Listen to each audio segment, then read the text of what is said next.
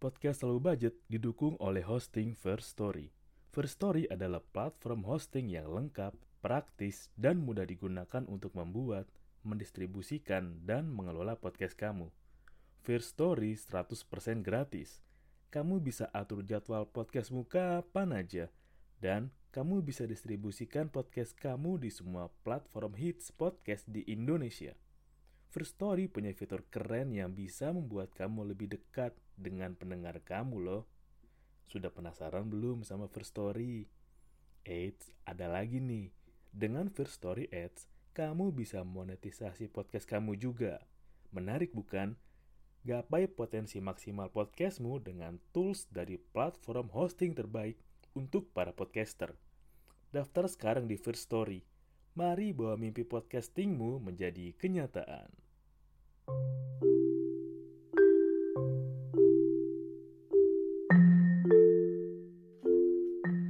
Selamat datang di siniar low budget, nggak harus mahal untuk nikmatin hidup. Gue nggak tahu deh, kayaknya rasanya deja vu sih. Kayaknya udah pernah buat episode ini, tapi pas gue cek lagi, lu pernah buat gue kayaknya. Tapi kalau lu perhatiin dengan keadaan yang terjadi di Indonesia lah, dalam sebulan ke belakang ada banyak banget hal yang menarik. Contohnya dari minggu ini aja, rame kan soal penangkapan Bupati Bogor ya. Dan dua minggu sebelum ini, kurang lebih dua minggu, rame juga penangkapan soal mafia minyak goreng. Dan kalau lo tarik lagi sebulan ke belakang, itu juga rame soal komentar Ibu Megawati tentang ya kenapa masyarakat ibu-ibu, masyarakat Indonesia terutama ibu-ibu, kenapa nggak menggunakan cara masak yang lain? Kenapa hanya menggoreng? Kenapa nggak merebus, mengukus? Ini sebenarnya gue mau bahas lama, tapi nggak tahu kenapa kayaknya pas banget sih momentumnya. Karena dari awal minyak goreng langka sampai ke ketemu mafianya dan juga penangkapan Bupati Bogor ini juga hal yang menarik banget buat dibahas. Ya, gue coba kembali dulu ke sebulan yang lalu. Dan kalau lo perhatiin sekarang ya, kalau sebulan yang lalu kan minyak goreng emang langka dan harganya tuh emang gila sih. Ya gue berkata gila emang karena gue ngerasain juga ya. Bagi gue minyak goreng udah kayak barang mewah lah, mewah banget. Di Alfamart atau Indomart aja seliter ya berapa sih yang 50 sekian ribu itu ada 50 ribu lah dan muncul merek-merek minyak goreng yang belum pernah gue lihat itu ada di ya Indomart Alfamart. Aneh juga sih. Ya walaupun kemarin sempat operasi pasaran ketika sebulan yang lalu yang harganya 28 ribu dapat 2 liter. Oh sorry 1 liter itu 26 ribu ya 2 liter 50 ribu. Itu juga ngaruh. Dan gue ngerasain sendiri bagaimana emang harga gorengan pun naik. Dan terasa banget sih kualitas gorengannya pun menurun tapi emang gue juga pernah bahas sih di episode senior beberapa episode sebelum ini. Ya kenapa? Kalau misalnya penasaran kenapa kebanyakan masyarakat kita itu ngantri minyak goreng? Oke gue coba udah gue udah sempat ngumpulin sih beberapa materi. Kayak kenapa minyak goreng? Yang pertama adalah minyak goreng adalah salah satu sembako. Oke gue coba sebutin apa aja yang termasuk dalam sembako. Sembako kalau lo belum tahu, sembako itu 9 bahan pokok. Yang pertama ada beras, gula pasir, minyak goreng dan mentega, daging sapi dan ayam, telur ayam, susu, bawang merah dan putih, ikan, dan garam beriodium.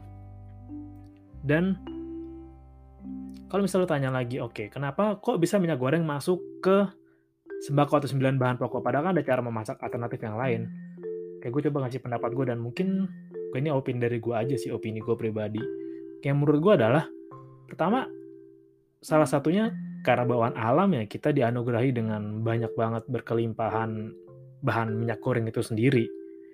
Jadi kita tahu bahwa kita gampang banget mendapatkan itu harusnya ya.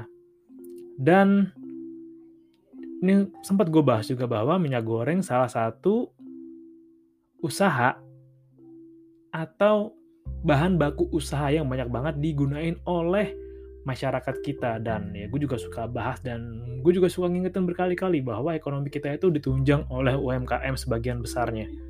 Jadi ketika lo berpikir bahwa oh ekonomi kita ditopang oleh perusahaan-perusahaan ya sebenarnya ketika lo maju ke daerah pun banyak banget ekonomi kita disokong oleh pedagang kecil, UMKM, toko kelontong. Makanya emang beberapa waktu terakhir pun perusahaan-perusahaan besar itu berusaha memasukkan nama mereka ke industri yang bakal dekat banget dengan masyarakat, bahkan masyarakat yang belum tersentuh dengan teknologi atau dengan layanan keuangan. Dan kalau lo tahu sendiri juga, gue yang kemarin pun sempat rame kasusnya, di mana menteri kita sendiri bilang bahwa eh, ada mafia minyak goreng. Dan beberapa saat kemudian bilang bahwa oh nggak ada mafia minyak goreng gitu. Dibilang nggak ada dan gue bilang nggak ada sih. Dan minggu lalu pun akhirnya ketahuan juga kan ketangkap juga ya dirjen. Yang kalau lihat pas rekamannya waktu bapak menteri perdagangan bilang itu tersangkanya persis duduk di belakang beliau dan sambil membisikkan. Eh, ada momen di mana ya kepala itu kepala bagian itu membisiki sesuatu sih ke Pak Menteri. Ini merupakan hal yang luar biasa sih dengan apa yang terjadi ya. Lo kalau mau flashback lagi ke 2020 ya bagaimana uang bansos dikorupsi yang rugi adalah seluruh masyarakat Indonesia. Dan gue juga suka bilang sih yang rugi itu adalah saudara lu, temen lu, temennya temen lu, keponakan lu, saudara jauh lu, temen SD lu, temen SMA lu yang ngerasain dampaknya akibat ya korupsi kemarin dan naiknya minyak goreng pun nggak cuma lu doang apa ya saudara lu tetangga lu abang dagangan favorit lu. Dan kayak kemarin gue contoh aja deh gue beli basreng. Satu kan 2000 dan kemarin tuh 2000 pun gue juga ngerasa ih gue bukan ngerasain jelas banget bahwa ukurannya pun dikecilin nih. Basreng yang biasa gue beli. Kayak gorengnya juga tadinya seribu sekarang 5000 dapat 4 dan ya nggak bisa bohong ukurannya dikecilin dan bahannya pun berasa nggak padet kayak biasanya. Itu contoh kecil sih dan gue juga belum meninjau lagi bagaimana di daerah-daerah. Karena emang ketika lo berbicara Indonesia lo berbicara sebuah wilayah yang sangat besar yang sangat beragam yang masyarakatnya sangat heterogen yang ya bukan Jawa doang yang wah luas banget di Sulawesi Kalimantan. Ya sebutin kayak daerah kayak banget tau kayak Gili Tawangan, terus Gili Manuk, terus ada daerah Daily, ada daerah Banjarmasin, Pekanbaru, Riau, Ketapang, sampai Jogja, Sukoharjo, Imogiri. Luas banget dan emang sangat disayangkan sih. Ini mau coba gue bahas bahwa ini gue juga pernah bahas sebelumnya, tapi gue coba mungkin menambahkan lagi karena mungkin ini juga relate sama lu, deket sama lu, dan beberapa juga ada yang berhubungan dekat sama gue. Ya, ketika emang suatu kebijakan dibuat oleh orang yang belum pernah merasakan susah, gue sangat bisa yakin bahwa kebijakannya itu belum bisa dikatakan adil. Karena emang ya lu lahir dengan orang yang punya, lu nggak ngerasain susah, lu nggak ngerasain lapar, lu nggak ngerasain duit di dompet lu cuma ada ceban dan lu mesti bertahan dua hari caranya gimana ya mereka ini yang apalagi pas ibu Mega kemarin komentar soal minyak goreng dan baju lebaran juga ya kok ibu bisa sih ibu-ibu bisa beli baju lebaran sementara antri gitu beli baju lebaran antri tapi beli minyak goreng itu ya enggak ya baju lebaran itu momentum yang mereka punya kesempatan belanja bahwa ya setahun sekali saat itu juga. Sementara ketika minyak goreng mereka pakai untuk operasional mereka sehari-hari. Ya, lu bayangin aja. Suatu yang bersifat momentum yang hanya lu bisa beli saat itu bisa dibandingkan dengan hal yang lu pakai untuk lu bisa bertahan hidup setiap harinya dalam sepanjang tahun itu. Itu bukan hal yang lucu sih dan ya diberikan komentar oleh orang yang nggak pernah merasakan ada pada posisi yang seperti itu ya lu bisa ngerti lah Bu Mega nggak pernah ngerasain susah bahwa menteri itu juga gue yakin juga menteri nggak ngerasain susah meskipun susah waktu kecil ya nggak susah-susah banget. Kan bisa lo deh kayak misalkan kayak dulu Dalan Iskan Padahal Iskan tuh kan kecilan kan cerita bahwa kehidupannya susah mulai dari bawah ke petani biasa sampai akhirnya ketika buat kebijakan pun meskipun kemarin ramai dan kontroversial soal mobil listrik tapi jelas bahwa kebijakannya pun adil. Dan beberapa crazy rich yang bisa lo lihat juga beberapa crazy rich yang hidupnya mulai dari bawah dari nol dari bukan siapa-siapa ketika udah berhasil akan sangat manusiawi akan sangat sederhana. Ya bagaimana bapak Michael Hartono sangat sederhana sekali. Anaknya juga saat diwawancara juga saat sederhana sekali. Almarhum Bob Sadino. Ya ketika orang-orang yang merasakan bagaimana rasanya menjadi orang susah dan pernah menjadi orang susah, gue yakin kok bahwa mereka juga, gue nggak pengen kebijakan, bikin kebijakan yang nyusahin ya karena gue tahu rasanya susah, gue tahu rasanya lapar, gue tahu rasanya nggak punya duit buat makan, duit lu tinggal beberapa belas ribu dan lo mesti bertahan, apalagi ketika lo udah berkeluarga, lo harus mengorbankan untuk diri lu sendiri kayak ya udahlah nggak apa deh yang penting anak istri gue bisa makan gue nggak makan nggak apa-apa. Ya nggak apa deh uh, apa namanya nggak bisa beli ini dulu. Sekarang yang penting kontrakan kebayar yang penting listrik kebayar air kebayar dan mereka orang-orang yang di sana yang ya lu nggak usah kaget lah beberapa dari mereka pun ketika buat kebijakan ya sangat di luar dari apa yang kita bayangkan karena mereka nggak pernah berada di posisi kita dan nggak pernah ada gitu ngerasain dengan apa yang kita rasain pun begitu juga dengan tempat kita bekerja. Ya pasti ada dari lo yang kok bisa ya ada orang bikin peraturan kayak gini. Terus kayak kok bisa ya kayak untuk hal gini kok dimudahkan ya. Karena emang ya lo yang harus hal yang harus lo belajar terima bahwa rata-rata emang mereka yang sebagai pemimpin di perusahaan pun berasal dari kebanyakan ya berasal dari orang-orang yang emang orang tuanya dulu punya orang tuanya pun dulu mampu jadi ya ketika lo terbiasa ada terbiasa untuk dapetin apa yang lo mau dengan singkat terbiasa bahwa orang-orang pun lo memandang orang-orang itu sama kayak lo ya cara mereka bergerak cara mereka buat keputusan juga pasti bisa buat lo sedikit terkejut. Karena emang startnya pun nggak dimulai dengan hal yang sama. Ya ketika mereka berpikir gimana caranya gue bisa gedein usaha gue bisnis gue perusahaan gue? Lu berpikir bahwa oke okay, bagaimana cara gue bisa membuat dana darurat? Bagaimana cara gue untuk bisa bayar kontrakan bayar makan bayar cicilan dari kerjaan gue dan gimana cara gue bisa kerjaan tambahan di samping kerjaan gue yang sekarang yang untuk bisa nutupin kebutuhan operasional di rumah. Cara mikirnya pun udah beda. Dan memang hal kayak gitu sih yang memang harus belajar lu terima dan emang lo harus hadapin. Mungkin gue juga dulu orang yang berlawanan dengan itu tapi lama-lama ya oke. Okay.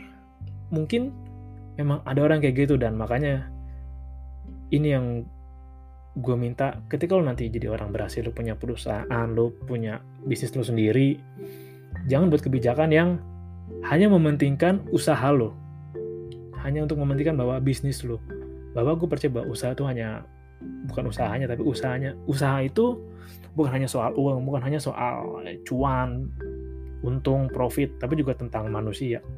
Karena emang lu menjalin hubungan dengan manusia berbisnis dengan manusia juga sama manusia interaksi dengan manusia juga. Jadi jangan bikin kebijakan yang justru membuat patah hati para karyawan lo membuat ya kecewa para tim yang kerja dengan lo. Dan itulah makanya kayak gue selalu nerapin diri gue bahwa oke okay, ketika saatnya tiba pun gue juga nggak mau menjadi orang yang cuma bisa melihat dari kacamata gue yang kacamata gue yang lu bagi gue sama kok lu bagi gue bukan uh, lu bagi gue hanya tim gue gitu bukan sebagai orang itu gue nggak mau sih karena emang bagaimanapun ya lu bekerja dengan orang dan orang yang sedang bekerja sama lu punya kehidupan juga yang dijalanin dan kehidupan juga bisa jadi nggak sama kayak lu dan kita ada di sini untuk satu tujuan yang sama, bukan untuk hanya memenuhi tujuan lo. Well, itu sedikit sih dari pembahasan topik, tapi ini juga gue pengen bahas juga sih. Ini ngaruh juga sama yang gue bahas kemarin. Kita terbuka banget peluang akan kurangnya generasi yang pinter. Karena emang inflasi itu nggak sejalan lurus dengan kenaikan pendapatan kita,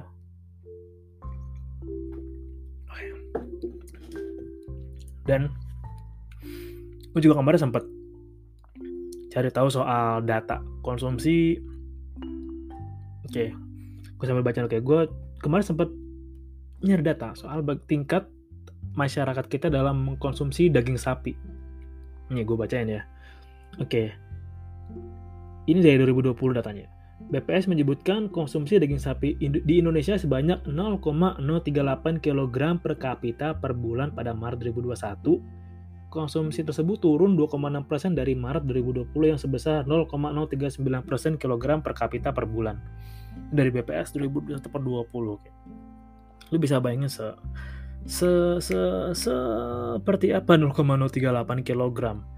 Ya kayak gue bilang beberapa dari kita bahkan hanya bisa makan daging ketika lagi makan auce atau lagi kondangan di orang gitu atau lagi dapat terima besek terima berkat dari orang ada juga yang kayak gitu kan karena emang ya gue Indonesia tuh luas Indonesia tuh beragam dan kembali lagi kayak oh kalau lu kan enak ya lu buat kebijakan semau lu yang penting kepentingan lu dan ya lu bisa kebutuhan konsumsi daging lu terpenuhi dengan baik lu bisa makan daging yang sangat baik daging ayam daging sapi bahkan daging ikan lu nggak perlu khawatir takut nggak bisa makan ikan salmon. Sementara buat kita pun bisa makan ikan gitu yang nggak banyak durinya aja pun itu udah jarang banget jadi kayak cie nggak pernah ngerasain susah cie nggak tahu ya kayak ya lu duduk di meja yang penuh dengan makanan dengan lampu yang terang dengan AC yang sejuk garpu yang bagus taplak meja yang mewah dan ya kita para masyarakat nih yang dipimpin sama lu nih kita makan di pinggir jalan nasi bungkus beralaskan ya kertas nasi lauk yang udah diangetin dua kali hari itu. Lauk yang ya gue cuma punya sepuluh ribu gue pengen bisa makan dan minum dapat. Yang penting kebutuhan perut gue keisi ya gizi gue nggak entar aja nanti gue kenyang dulu deh. Yang ini memang sempet bisa dibilang sumber hmm, salah satu kekhawatiran gue ya semoga mereka nggak berpikir bahwa tenang masyarakat udah bisa jalan sendiri kok. Ya kita buat kebijakan yang penting kita untung aja dan kalau emang lu mau berpikir lagi kayak lu kalau mau ngebayangin lagi pun ya efek yang efek dari penerus-penerus ini yang ya generasi sebelumnya ini yang yang terima akibat dampaknya itu generasi di bawah lo cucu cicit lo ya kebijakan mungkin emang kemarin kita lagi di wow lagi di ini kan soal bagaimana pemerintah sebisa mungkin eh enggak pemerintah melarang ekspor bahan baku minyak ya oke kita lah dulu. Tapi saat itu juga bahwa ya kita tahu lah bagaimana bapak menteri super kita yang lagi ketemu Mr. Elon Musk menyangkut soal obrolan investasi di Indonesia. Wow. It's kind of oke. Okay. pelan-pelan berarti Indonesia mau, mengurangi sawit dan menjadi distribut apa ya distributor ya distributor baterai itu terbesar.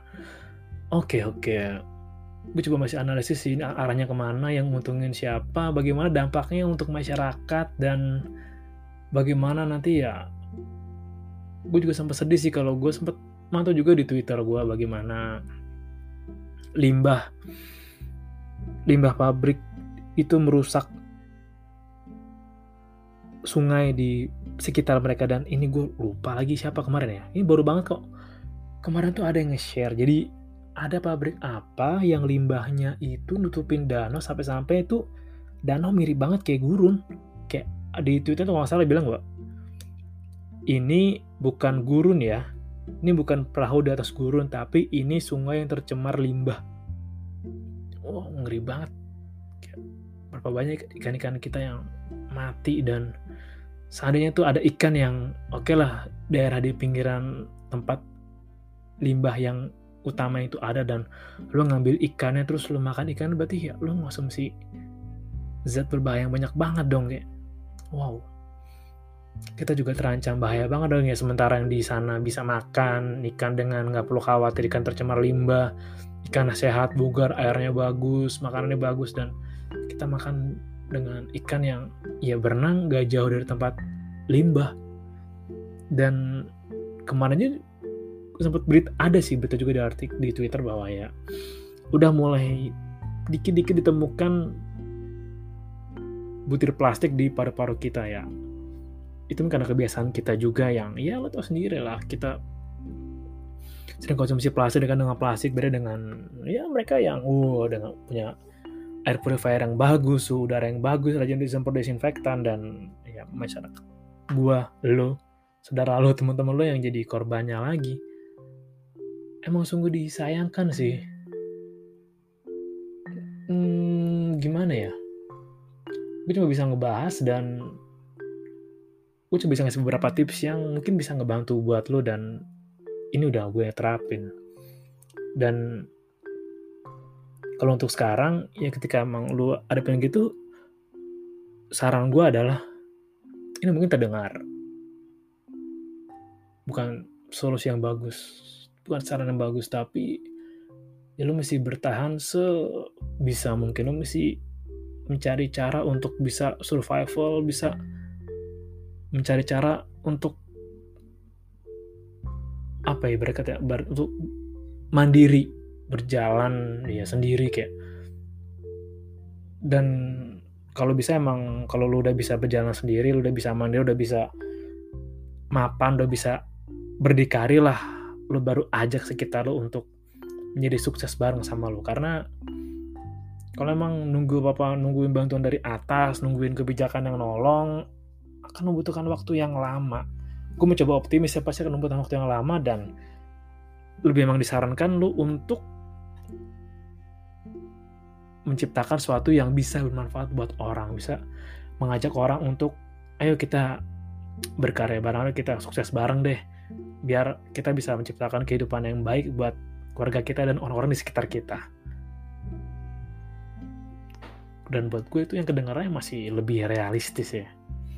Tapi gue tetap nggak kehilangan harapan sih untuk pemerintah dan gue harap ya pasti bisa lah pelan-pelan ada kebijakan yang nggak beras sebelah, ada kebijakan yang pro dengan rakyat dan nggak merugikan juga investor, nggak merugikan pengusaha. Ya pelan-pelan aku juga nggak kehilangan harapan untuk itu. Dan yang terpenting ya lo harus tetap jaga kesehatan diri lo dan kesehatan mental lo, terutama kesehatan mental sih. Ya, jangan mudah terpicu oleh orang-orang yang pamer hartanya di media sosial karena emang kebanyakan fake dan kebanyakan ya hanya pamer aja gue selalu menyarankan bahwa lu ganti fit lu dengan hal-hal yang lu suka, bermanfaat, dan bisa membangkitkan semangat lu untuk berkarya lagi apa pun itu karya yang mau lu buat. Thank you udah dengerin, dan salam low budget.